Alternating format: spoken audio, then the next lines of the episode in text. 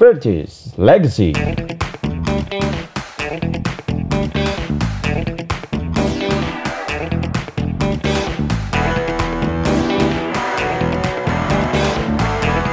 Halo semuanya, kembali lagi di Vertis Legacy Podcast.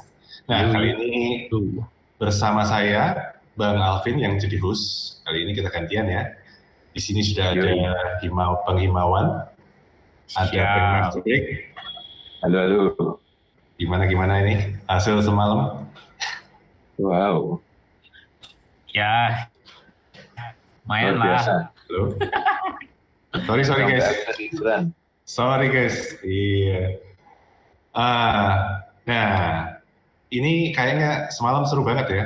Jadi kita dua kali lawan West Ham. Yang pertama ini kita bisa menang di kandang lawan, tetapi kita kali ini di kandang sendiri dengan tim second line ya. Tim second line ini Iya, tim cadangan lawan tim cadangan. malah kalah ini. Oke oke. Tipis ya. tipis ya. Tetapi di line up ini ada yang menarik nih kalau rekan-rekan abang-abang nih lihat ya. Itu ada satu nama yang selama ini kita jarang lihat di line up entah itu di cadangan ya. Mungkin bahkan di tim itu juga. Ada Phil Jones ini. Yo, akhirnya Lord Jones is back. Ya, Lord kembali ya. Iya. Lord Jones, iya. Terakhir main dia Januari 2020. Kayak waktu itu ngegulin dia.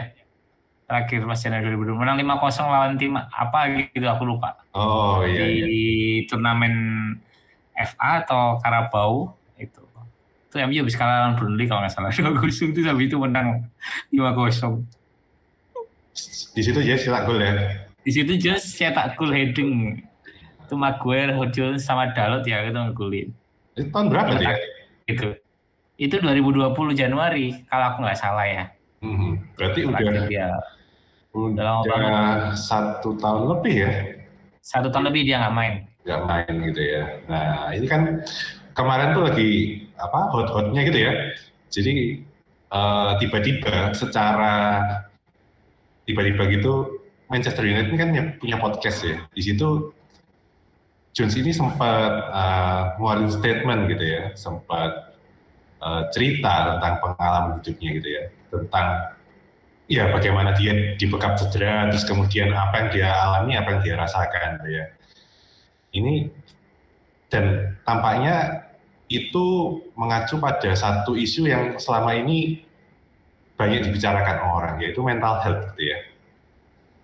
Nah ini mental health iya. itu kan nggak nggak cuma terjadi di dunia kerja, dunia apa bisnis, kantor, eh, pendidikan, tapi ternyata juga sampai masuk di sepak bola.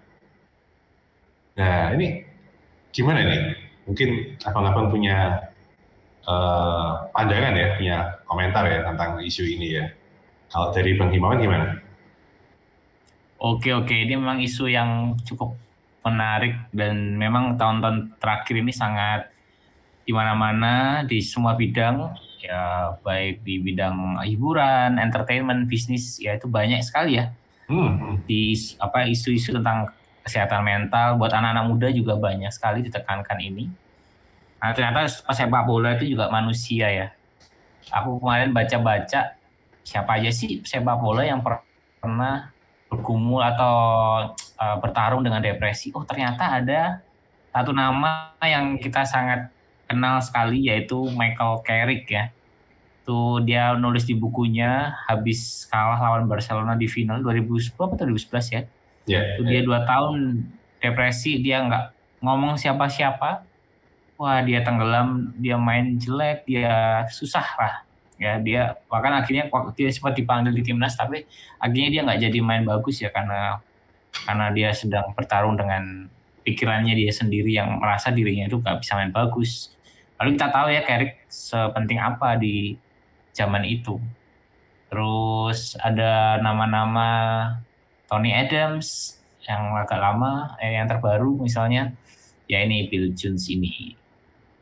Terus ada juga ya sepak bola sepak bola muda yang misalnya aku agak lupa namanya, eh, dia suicide juga karena apa eh, ini ya nggak diperpanjang kontrak ya. Wah itu kasihan banget dan Hmm. jadi ini memang perhatian yang sangat penting makanya ada action-action di luar sana juga program-program untuk me- pa- para pemain tuh bisa merawat kesehatan mental mereka. Memang ini kan permainan yang sangat game sepak bola ini industri yang sangat tekanannya tinggi banget ya. Kalau nggak bisa merawat diri mereka sendiri, antara karir karirnya mereka hancur ya atau mereka sendiri yang hancur. Kita kan lihat juga sepak bola sepak bola yang pensiun ada yang terjerumus alkohol lah, Ya, ya, itu banget. yang lain ya. Obat-obatan juga banyak ya. Obat-obatan juga si banyak. siapa namanya Ah, Adriano atau yang yang katanya Zlatan itu mainnya dia paling bagus Adriano kalau nggak salah ya. Adriano. Adriano. Adriano. ya itu kan juga ceritanya mirip-mirip sebenarnya. Jadi eh ini penting banget untuk kita para fans juga ini ya memperhitungkan hal-hal semacam ini karena sepak bola juga manusia gitu. Sepak bola juga manusia. Iya, iya, iya, iya. iya. Iya, iya. Jadi ada memang- kerapuhan kerapuhan yang paling sedih waktu baca kemarin Phil Jones itu kan ketika dia lagi sama anaknya terus ada fans yang nggak neriakin dia Jules ya? you are shit you are shit gitu ya terus bayangin tuh kalau kita jadi anaknya gimana ya atau kalau kita yang jadi kita yang jadi Phil Jones-nya gimana kan itu kan pasti menghancurkan sekali itu Iya, iya, iya, benar, benar, benar. Nah itu eh, ternyata banyak banget, apalagi di zaman sekarang ya. Kalau kita tahu eh, pesepak bola ini kan hampir semuanya udah punya sosial media, Gitu ya. betul betul Udah hampir punya sosial media dan ekspektasi fans. Nah ini kalau kita ngomong ekspektasi fans nih, eh, kadang-kadang kita ini sebagai fans juga punya satu standar atau ekspektasi tertentu terhadap pemain yang kadang-kadang eh, ketika pemain itu nggak bisa mencapai apa yang diharapkan oleh fans, nah itu langsung tuh serbuan dari fans tuh gencar banget gitu ya. Nah, ini gimana? Ya. Mungkin ada eh, pandangan nih dari Bang Maverick. Gimana Bang Maverick? Iya. Eh, sebenarnya memang wajar sih ya. Maksudnya ini fenomena yang wajar. Dari dulu pun kan eh, sebenarnya memang sudah ada. Cuman sekarang jadi efeknya berlipat-lipat ganda karena ada media sosial nih.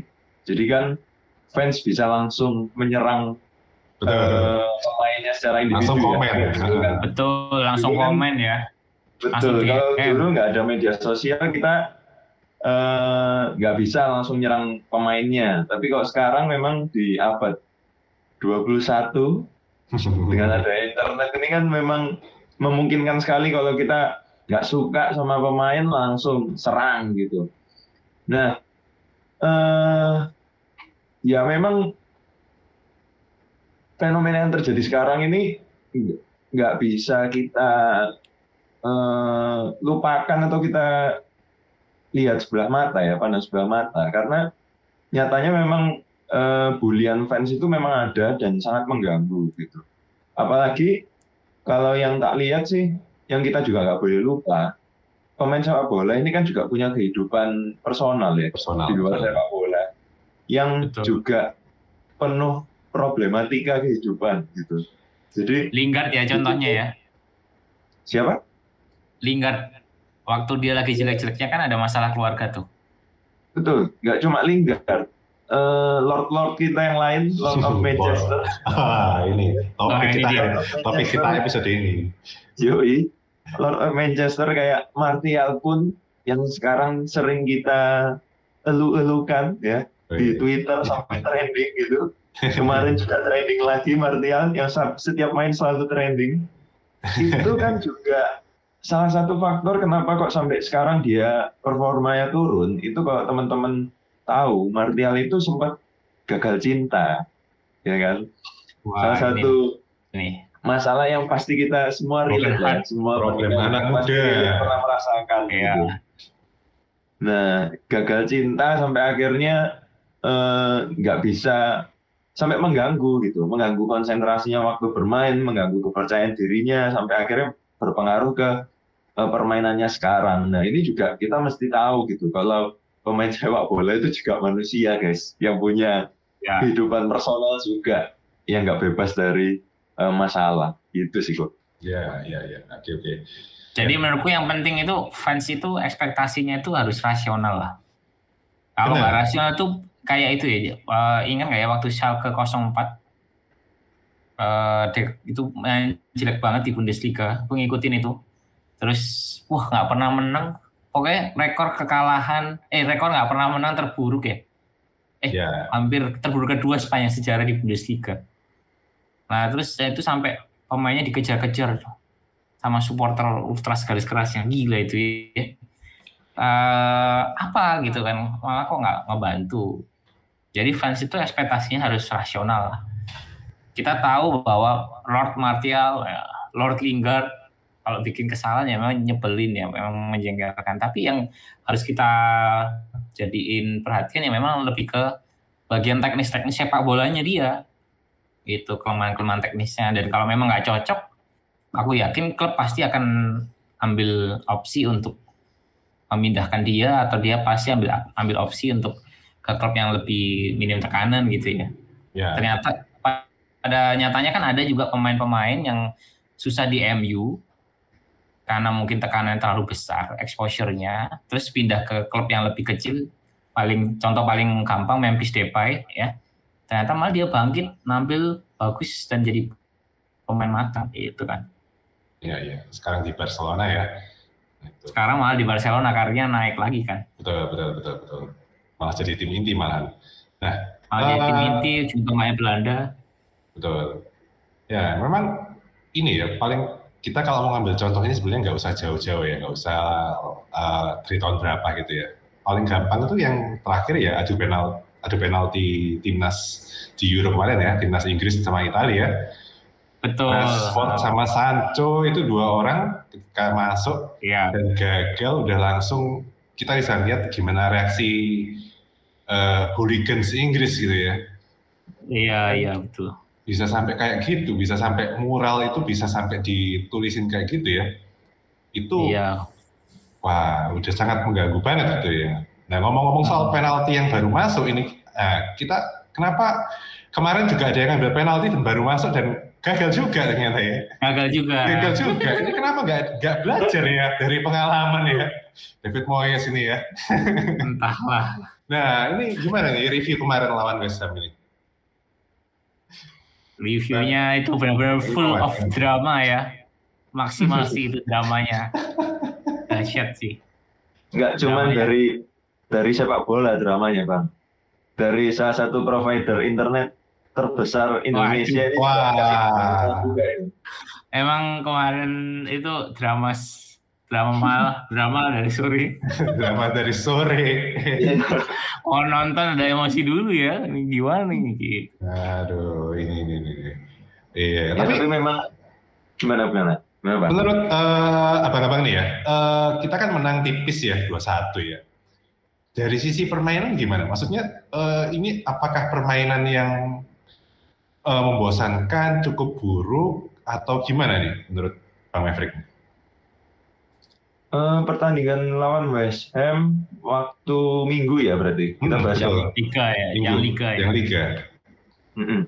Em, buat aku sih memang secara permainan kita belum matang ya karena eh, banyak pemain baru, banyak adjustment kiri kanan sana sini dan memang kelihatan sih eh, masalah-masalah kita itu memang belum selesai masalah transisi gitu.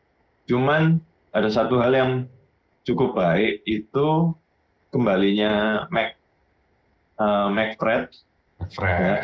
sama Fred itu memang sangat-sangat membantu dan sangat-sangat menjawab kekurangan MU di lini tengah gitu.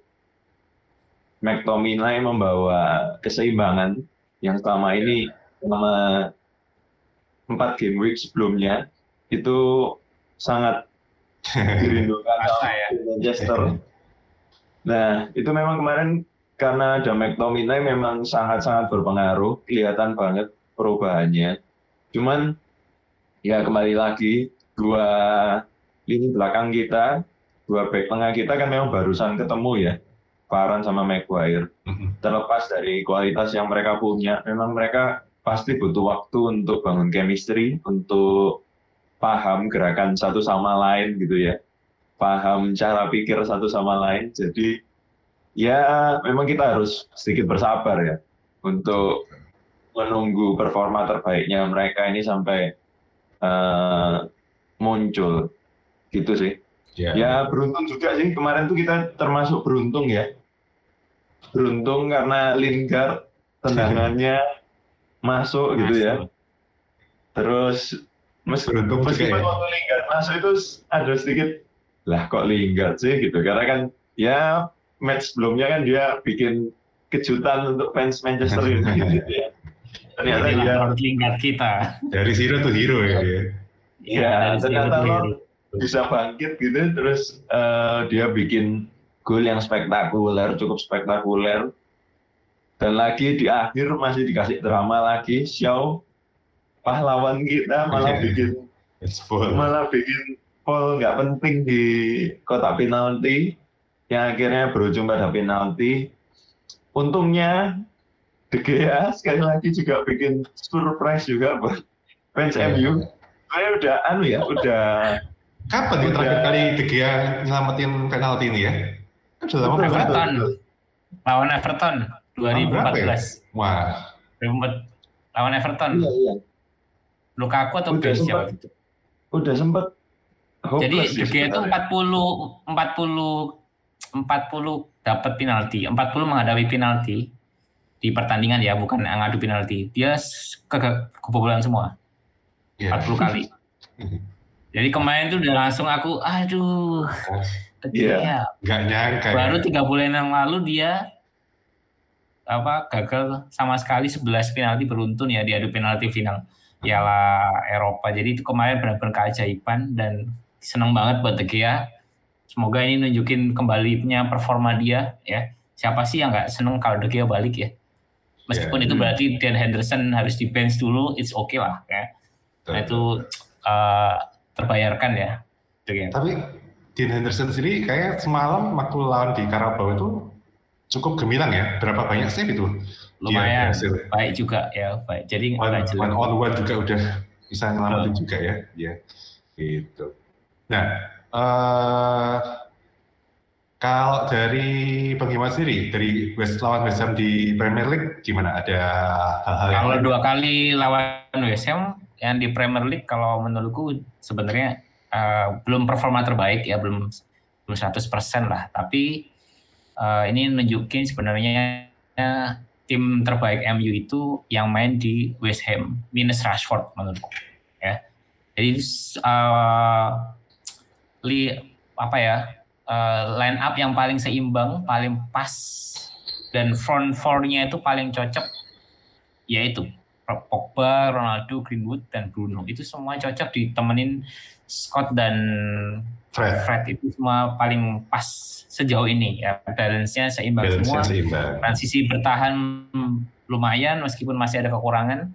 Transisi menyerang juga lebih cepat, jadi agresinya lebih cepat. Cuma memang kekurangannya dalam beberapa menit itu antara di awal terus sama di agak akhir-akhir Man United uh, kurang agresi ya. Tapi waktu uh, momen-momen terbaiknya Man United itu ketika mereka mengalirkan bola dengan sangat cepat dari kaki ke kaki, switching juga dengan lebih cepat dan itu mengancam gawangnya uh, West Ham dengan luar biasa ya dan itu kalau bukan kipernya yang kipernya juga bagus mainnya si Fabianski. Dan juga ada beberapa keputusan wasit yang bisa kita pertanyakan kayaknya itu Ronaldo udah bisa dua penalti ya kemarin itu. Dan kemarin juga terakhir waktu Karabau harusnya kita dapat penalti ya karena Lingard Sancho, Lord ya. Lingard ditarik tarik. Lord Lingard ditarik di final kotak penalti.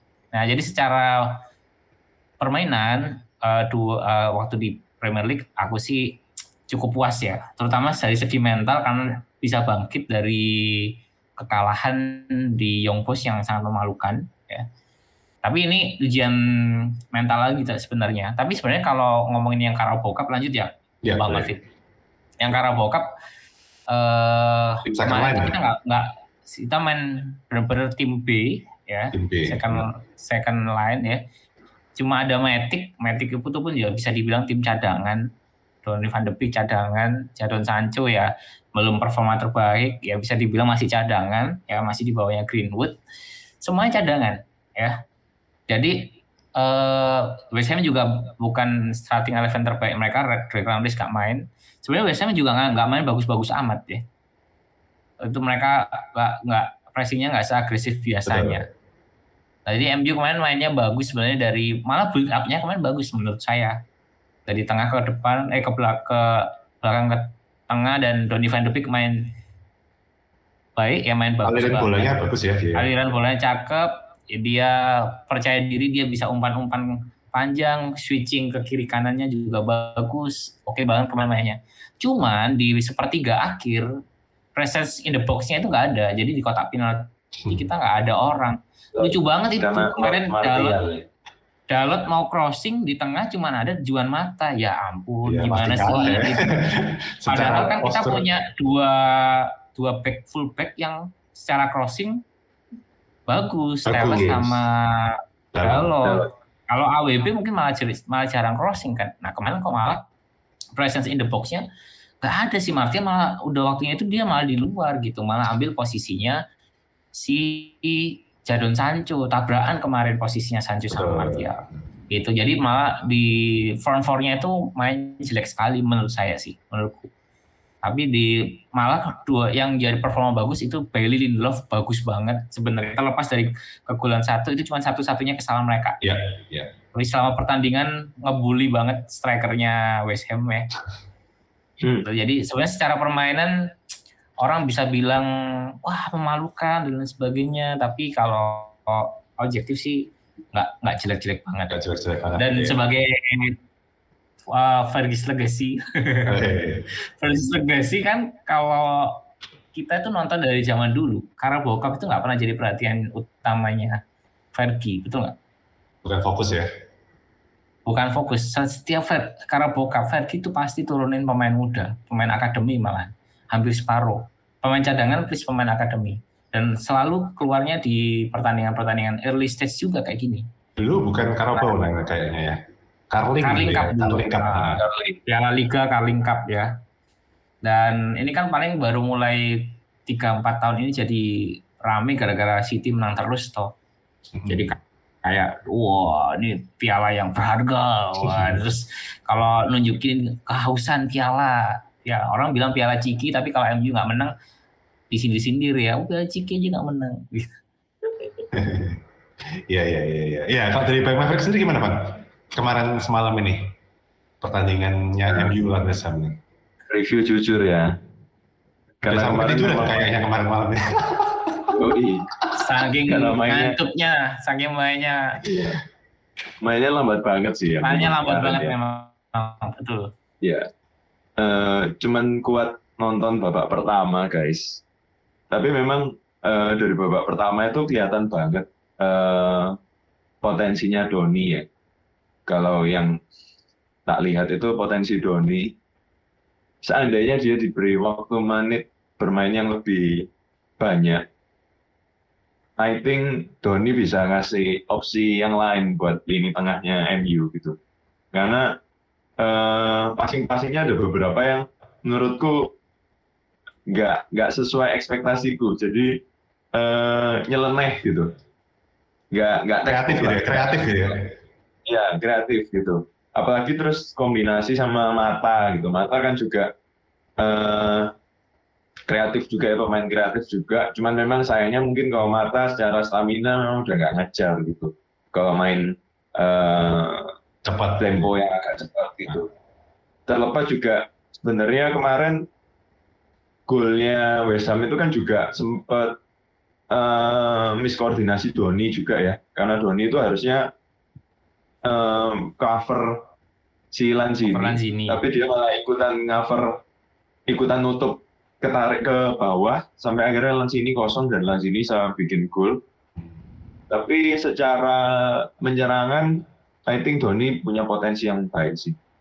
Gitu. Terlepas babak kedua saya hilang ya. Iya, iya, iya. iya. Jadi yang babak kedua malah ide-idenya Brown ide-idenya Doni bagus tuh waktu Greenwood masuk betul. ini misalnya kasih umpan langsung ke depan ya mirip-mirip Hmm. Bruno gitu dan Betul, betul. langsung bikin dua chance juga. Greenwood Jadi masuk, di- di- sekali masuk langsung dia- bikin chance ya. Iya, langsung di orang bilang, wah Lord Martial nggak ngapa-ngapain, Greenwood langsung langsung lebih berguna. Ya tapi memang Doni maksimalnya memang di posisi 10 ya Tan ya. Betul. Harusnya Betul. memang lebih lebih bagus di posisi nomor 10 ya daripada di nomor 6. Ya, Jadi dia- memang kemarin tuh rada, rada terpaksa si Doni main di posisi double pivot. Meskipun dia nggak turun-turun banget seperti Matic, tapi dia posisinya agak canggung ya. Dengan apalagi sebenarnya kita ini kan main direct play yang di sepertiga akhir dari eh, apa namanya prog- habis progresi dan finishing itu kita lebih banyak memakai imajinasi pemain ya. Nggak tanpa set play yang gimana-gimana. Nah, Doni ini wah kemarin tuh waktu dia di malah justru waktu dia in the box di dekat kotak penalti, wah itu dia pergerakannya merusak Iya. eh, lini belakang lawan Pak. Dia masuk sempat kok eh, satu kali dia udah masuk kosong tapi diblok sama back lawan. ya, ya. Itu sangat Tapi kalau tapi ya selama selama ada Bruno Fernandes kayak Donny van de Beek susah jadi nomor 10. susah ya, karena memang posisi pos itu udah udah cukup banyak opsi Iya. gitu ya. Selama Atau- Bruno Fernandes nggak cedera dia nggak akan main di nomor 10 menurut saya sih. Kalau dilihat itu semalam ini gini, kalau menurutku ya, ini banyak pergerakannya kan cukup cepat ya, passing-passing ya, oke lah lumayan ya, walaupun la- sekali lambat temponya.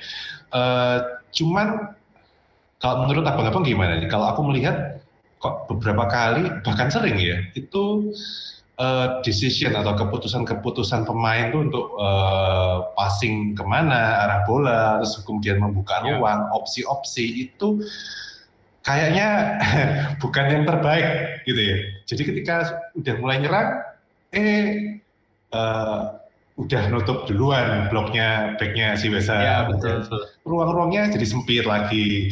Dialirkan bola ke kanan, eh telat juga gitu ya. Ini karena pelatih, karena taktik atau karena apa ya? Menurut apa namanya kalau kayak gini ya? Kayaknya sih chemistry antar pemainnya memang nggak terbangun ya. Orang jarang main bareng. Jarang main bareng. Dalam Jarang main bareng ya. Iya, iya, iya. Jarang main Ya, bareng. itu. Orang tahu lah kalau main bola. Nah, Itu wajar sekali Sama- sih. Dan apalagi ini ini ya pemain-pemain yang jarang main terus mereka pengen kayak ngebuktiin gitu kan. Ya, Beberapa betul. kali itu Lingard si Doni udah lari ke kanan buka ruang malah dia nggak diumpan malah dia syuting ke tengah nabrak itu memang lord lord susah. susah Tapi memang. memang- jadi Eh, kalau ada analis yang bilang eh, memang Ole ini kan gayanya dia bukan tipikal pelatih yang kasih taktik itu detail ya.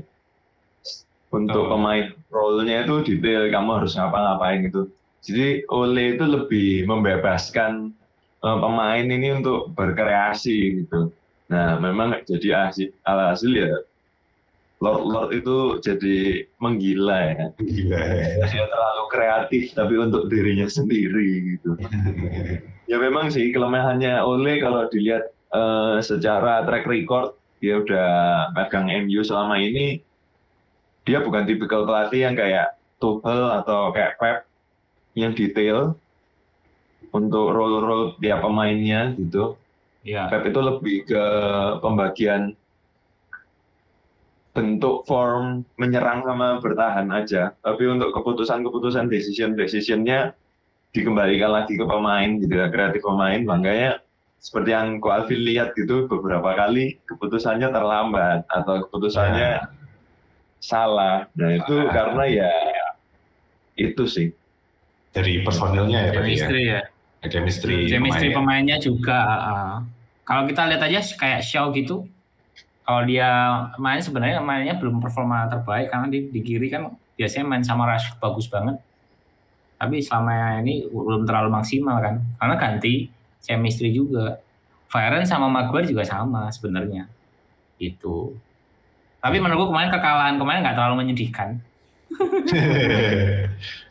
Karena ya Fergus legacy ya. Karena bokap ini nggak penting-penting amat. Gak penting-penting amat. kita ini konsep apa dua season berturut-turut main sama 61 game dari dari 18 eh dari 18 19 19 20 itu main eh 19 20 sampai 2021 ya, itu main 61 game. Sekarang kan dua kali berturut-turut yang le lewat semifinal, terus final kemarin yang paling ini.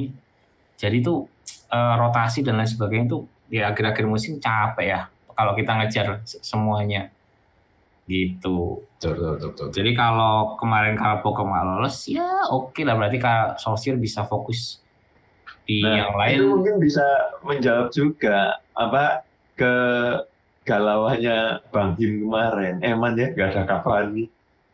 Eman ya harus ada Cavani. Nah mungkin itu alasannya oleh nggak mainin Cavani karena ya buat apa? Buat apa? Iya iya. Sebab biasanya tuh kalau musim-musim lalu di meskipun di Carabao Cup, fansnya itu masih cukup strong ya. Biasanya Pogba masih ada, terus Hmm. striker-striker yang yang ini kayak Rashford yang utama gitu juga masih ada. Ini fansnya sama sekali nggak ada, Luke Shaw nggak ada, Ronaldo nggak ada. Pogba nggak Ini ada. berarti nunjuk Pogba nggak ada. Ini nunjukin Dan sebenarnya prioritas dilatih. memang benar-benar oleh trust nih cadangan ini harusnya bisa menang. Hmm. Nah, sebenarnya dia cukup yakin dengan cadangan ini bisa menang, eh ternyata eksekusinya nggak nggak sesuai Ya. ekspektasi. Ya nggak apa-apa juga sih. Itu kan, kan nanti kalau kita lolos tuh sebenarnya nggak di fixernya nggak enak banget karena itu nanti itu di tengah minggu antara home lawan Liverpool terus away ke Spurs tuh akhir Oktober. Jadi kita ada untung juga sebenarnya. Jadi bisa Ya, main fokus ya. fokus di uh, IPL. Ya, Jadi betul. sebenarnya buat fans kalau yang nonton MU lama keluar dari karakter dulu pernah keluar dari karakter di kalangan sama MK Dons zaman LVG betul, betul. itu lebih lebih harusnya jadi lebih menyedihkan ya. Ini West Ham loh, ini West Ini Ham. West Ham ya. Terus waktu la- waktu Jose Mourinho kan keluar lawan keluar juga kok uh, babak kelima. Itu lawan tim tim hmm, divisi lebih bawah malah. Kalau aku nggak salah ingat lawan siapa ya? Barnsley atau apa gitu. Ya, ya. kan? Ya, Waktu itu. Jadi sebenarnya bukan hal baru MU keluar dari karakter cuma ya memang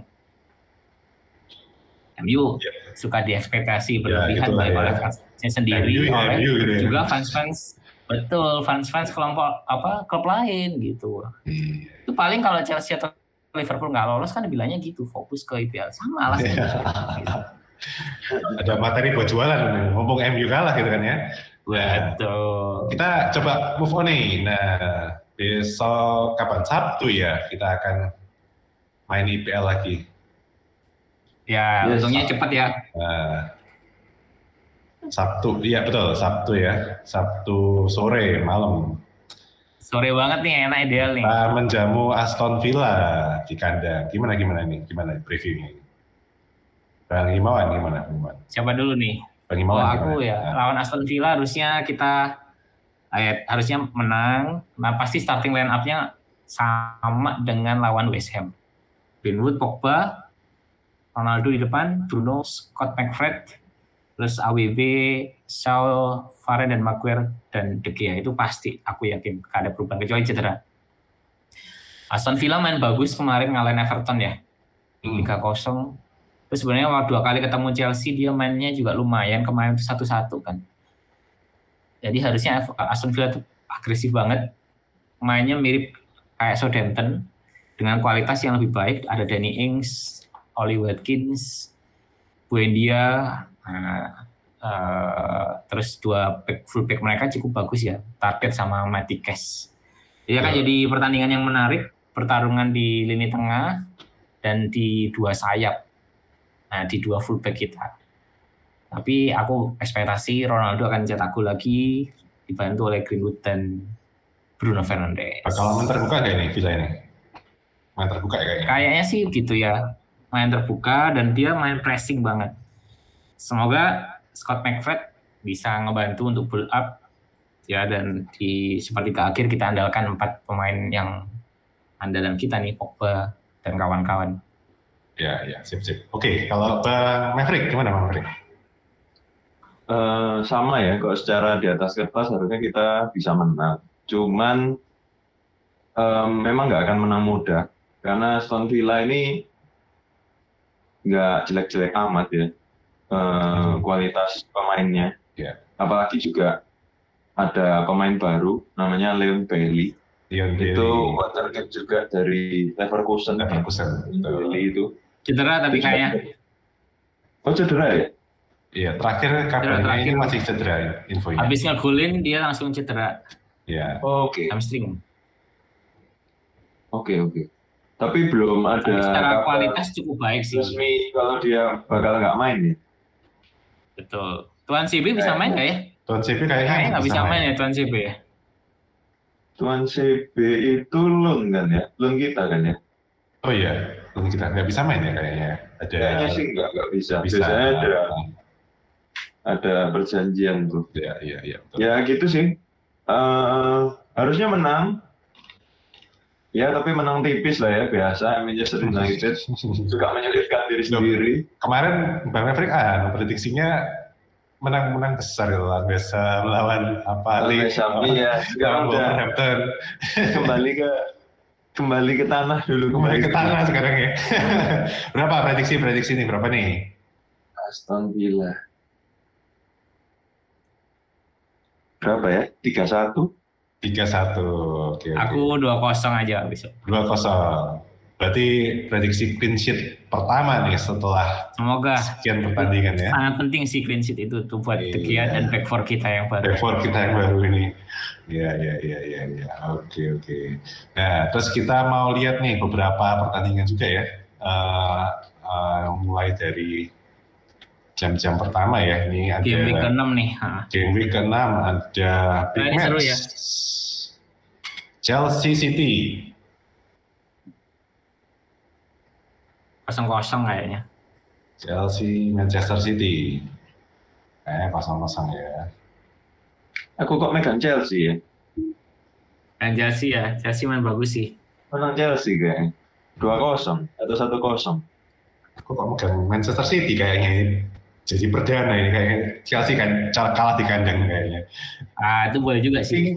Pengennya Chelsea kalah sih gue. Cuman City kemarin seri kan terakhir. Ya, Seri langsung lawan Southampton. City ini agak bermasalah di penyerangan. Betul. Kalau tak rasa ya, dia agak agak buntu di depan. Ya, ya, ya. Di mana Chelsea ini lagi Chelsea oke oke bagus ya. lagi fresh kan. City ini kayak udah mulai eh bosen gitu loh, udah mulai jenuh, udah sampai di titik jenuhnya ini kok main ini kayak. Iya, ya. Mulai declining ya. jadi. Iya iya iya. Oke, oke. Tapi sih Chelsea, meskipun aku pengen Chelsea kalah ya, tapi Iya, kalau iya. lihat Prediksinya musim ini, eh, kayaknya Chelsea menang tipis. ya, Chelsea menang tipis. Oke, oke, oke, oke. Ya, ya, ya. Nah, ini ada next ada Everton Norwich. Everton lawan Norwich ya. Harusnya Norwich Everton menang. jadi tim bulan-bulanan. Norwich belum pernah menang. Iya, belum pernah menang. belum pernah menang Norwich ini, apalagi di kandang Everton ya. Ah, Ini, oke, ada Leeds lawan West Ham ini. Nah ini Nah, menarik, menarik ini. menarik nih Leeds West Ham. ini. Ya, menarik ini. Ah, Michael Antonio udah bisa main ya. Ini Ya, Michael Antonio udah bisa main. Jangan lupa Ya, jangan lupa dipasang. dipasang. jangan lupa yang main anda-anda yang main FPL silahkan dipasang top skor sementara IPL uh, musim ini ya 4 gol. Ya, Michael Antonio. Ya, ya. Next ini ada Leicester Burnley. Nah, ini Vardy, Jamie Vardy ini. menang Leicester lah ya. Kayaknya menang Leicester nih kayaknya ini ya. Next ini ada Watford Newcastle. Nah, ini sama-sama sama-sama Papan bawah ya. papan bawah ini. Menang Watford harusnya. Tapi di atas kertas kayaknya Watford lebih unggul harusnya. Ya, Watford kan udah menang berapa kali? Dua kali kan? Betul. Ah. Ah. Watford terus terus terus. Terus ini ada Mi, oh, Brentford, Liverpool nih. Terakhir, Wah, ini menarik nih. tim dengan pertahanan yang kuat, Brentford main di kandang versus Liverpool yang produktif nih. Iya, moga Brentford bisa nahan ya.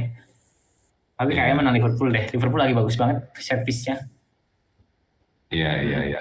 Alexander Arnold bisa main nggak ini ya? Terakhir kan injury ya minggu lalu ya. Ya cedera ya. Mm-mm. Tapi minor injury kayaknya ini. Iya, iya. Iya. Kayaknya sih menang si Liverpool. Tapi kalau Brent- Brentford bisa bikin kejutan ya. Karena Bisa, Brentford bisa. Main pressing bagus bagus sekali. Secara kualitas dia bisa bertahan di IPL nih Brentford. Betul, betul. Semoga bisa bikin kejutan. Ada Buemo, ada Tune ya. Iya. Betul. Ah. Brentford terakhir menang loh. Betul. Menang. Lawan Wolves. Betul. Menang main bagus banget. Lawan Bagus. Wolves. Mm-mm. Jadi nggak bisa diremehkan sebenarnya nih. Iya. Nah ini minggu ini ada Southampton Wolves nih. Nah Ini seru nih. menarik ini. Tuh, papan tengah. Dua papan papan tengah ya. Wolves kemarin habis kalah ya. Wolves-nya habis kalah dan eh, pertahanannya juga ya naik turun lah. deh. Southampton Southampton nih menang berhasil, kayaknya. berhasil ngimbangin City kemarin ya. Betul. Southampton juga main bagus banget pressingnya. Ini bakal jadi pertandingan menarik. Aku kayak Menarik. nonton ini. Ya, ya, ya, benar, benar, benar, benar. Ya, ya, bisa lah Southampton bisa menang lah. Saja menang. Bisa. Nah ini ada Dob- Derby London. Derby London, ya. Iya. Klub papan bawah lawan. Udah papan tengah ini. oh, papan tengah ya, udah nih ya. Iya. Oh iya, iya, iya. Gak tega aku ngomong ini. Menang Spurs lah ya. Spurs Kualitas pemain Spurs ya. Tapi ini kandang Arsenal. kandang Arsenal. Kan mereka kalau lawan lawan Spurs tuh energinya double double. Bisa jadi mengejutkan. Bisa Bisa menang. jadi draw juga ya, bisa jadi. Ya Spurs pasti parkir bus. Iya, iya. Oke. Terakhir ada Terakhir. duel ini tim lemah. Tim lemah. Eh, Palace. Brighton di peringkat empat. Gue. Betul, main bagus ya. Iya nih. Tim promosi yang anu cukup bagus. Eh, Brighton nggak promosi kok. Eh nggak promosi ya juga ya. Sudah berapa musim? Heeh. Yang promosi kan Norwich, Watford, sama Brentford. Brentford. Oh, iya betul betul. Nah, Brighton main bagus, kayaknya bisa menang nih. Palace bisa kalah nih di kandang ya. Bisa. Iya iya iya. iya. Oke oke. Dallas baru menang sekali. Palace baru menang sekali. Lawan itu pun karena Spurs di kartu merah kan. 3-0. Iya betul. Hmm, Jadi ini bisa kalah lagi nih Palace sama Brighton. Menurutku manajer Inggris, manajer Inggris, manajer asli Inggris yang terbaik itu sekarang pelatihnya Brighton ini, Graham Potter. Idenya benar-benar dahsyat sih. Dia percaya diri sekali on the ball, main ngalir, bagus banget. Itu Anthony Martial kalau dibeli Brighton boleh lah. Ya. Brighton kan habis anu habis jual backnya kan dia kan 50 juta. Mainnya bagus kan. Ya itu kalau kan Iya iya. dengar-dengar iya. sebenarnya dia mau beli itu kan Daniel James itu kan mau dibeli Brighton juga Oh iya. iya. tapi malah milih milihnya ke Leeds karena Leeds sudah lama memang tertarik lama dengan Daniel tertarik. James. itu Oke. Brighton kalau dapat striker yang yang lebih lumayan kayaknya dia bisa jadi West Ham oke deh Oke. Oke oke. Kayaknya enjoy the game Liga United Champions, Liga Champion. Oh iya. oh Liga Lawan Champion Villarreal. Villarreal ya wah ini lawan Oh. Yellow, Yellow Submarine ya Old Trafford. panggilannya Musuh bebuyutan gak ini ya? aku paling nggak suka Eh, dendam- kalau dendamnya di kencang sih Eropa ya. itu ketemu ketemu tim Spanyol paling nggak suka aku ketemu tim Spanyol nggak tahu kenapa susah sekali gitu Penuh kejutan soalnya ya. Iya tapi harusnya bisa menang sih Harusnya bisa menang. Harusnya. Cuman ya nggak tahu nih. Lawan. jadi ini ini ujian lagi buat MU karena habis kalah di Carabao Cup kalau bisa menang meyakinkan lawan Aston Villa menang meyakinkan lawan Villarreal ini akan bagus banget buat MU ya terus habis itu Harus akan menang sih. harus menang. Kalau dia bisa menang. menang kan ada tiga laga home lawan Villa, lawan Villarreal, lawan Everton. Kalau semua di dilibas kita dapat full point Betul. itu akan main itu mentalitasnya membantu. bagus. Nah, benar. Dan nanti kita akan persiapan away away yang sulit ya lawan Leicester. Habis itu ketemu Liverpool dan Tottenham. Wah itu menarik. Iya, iya, iya. Iya, iya. Harus menang sih tapi lawan Villarreal Harus harus menang. menang. Pertama Harus main di menang. kandang terus kita memang butuh poin. Betul. Itu pasti Ya, akan naikin naik Semoga lawan Aston Villa nggak ada nggak ada injury ya. Iya, iya, iya. Semoga sehat-sehat. Pokoknya dua pertandingan ini menang dan cara mainnya meyakinkan. Nah, tenang aja fans MU ya. Kita masih awal musim. Ingat musim lalu kita juga pas periode ini habis kalah 1-6 ya. Kira-kira berapa? Segala sesuatu masih Prediksi skor terjadi. Villarreal? Lawan Villarreal Kalau full squad itu, 2-0. squad full tim. 2-0, 2-0. Iya, 2-0. Dua kosong ya. Hai, mantap, mantap, mantap, mantap. Iya, iya. iya. Oke, oke. Eh, gitu dulu kayaknya episode kali ini ya. Kita udah bahas banyak Siap. banget mengenai mental health. Enjoy United fans buat minggu sampai depan. semoga minggu ini bisa tidur nyenyak semua. Hari Amin. pertengahan minggu, pertengahan minggu juga bisa tidur nyenyak lawan Villarreal ya. Jangan sampai kayak lawan yang gue sendiri. Entah, entah kenapa ya kalau MU menang itu rasanya sepanjang hari itu lebih enak Damai, lebih damai. Ketemu orang-orang itu kayaknya juga lebih enak gitu. Ternyata orang-orang juga fans MU gitu kan. Iya. Iya. Oke, kita versi legasi Oke. podcast out dulu.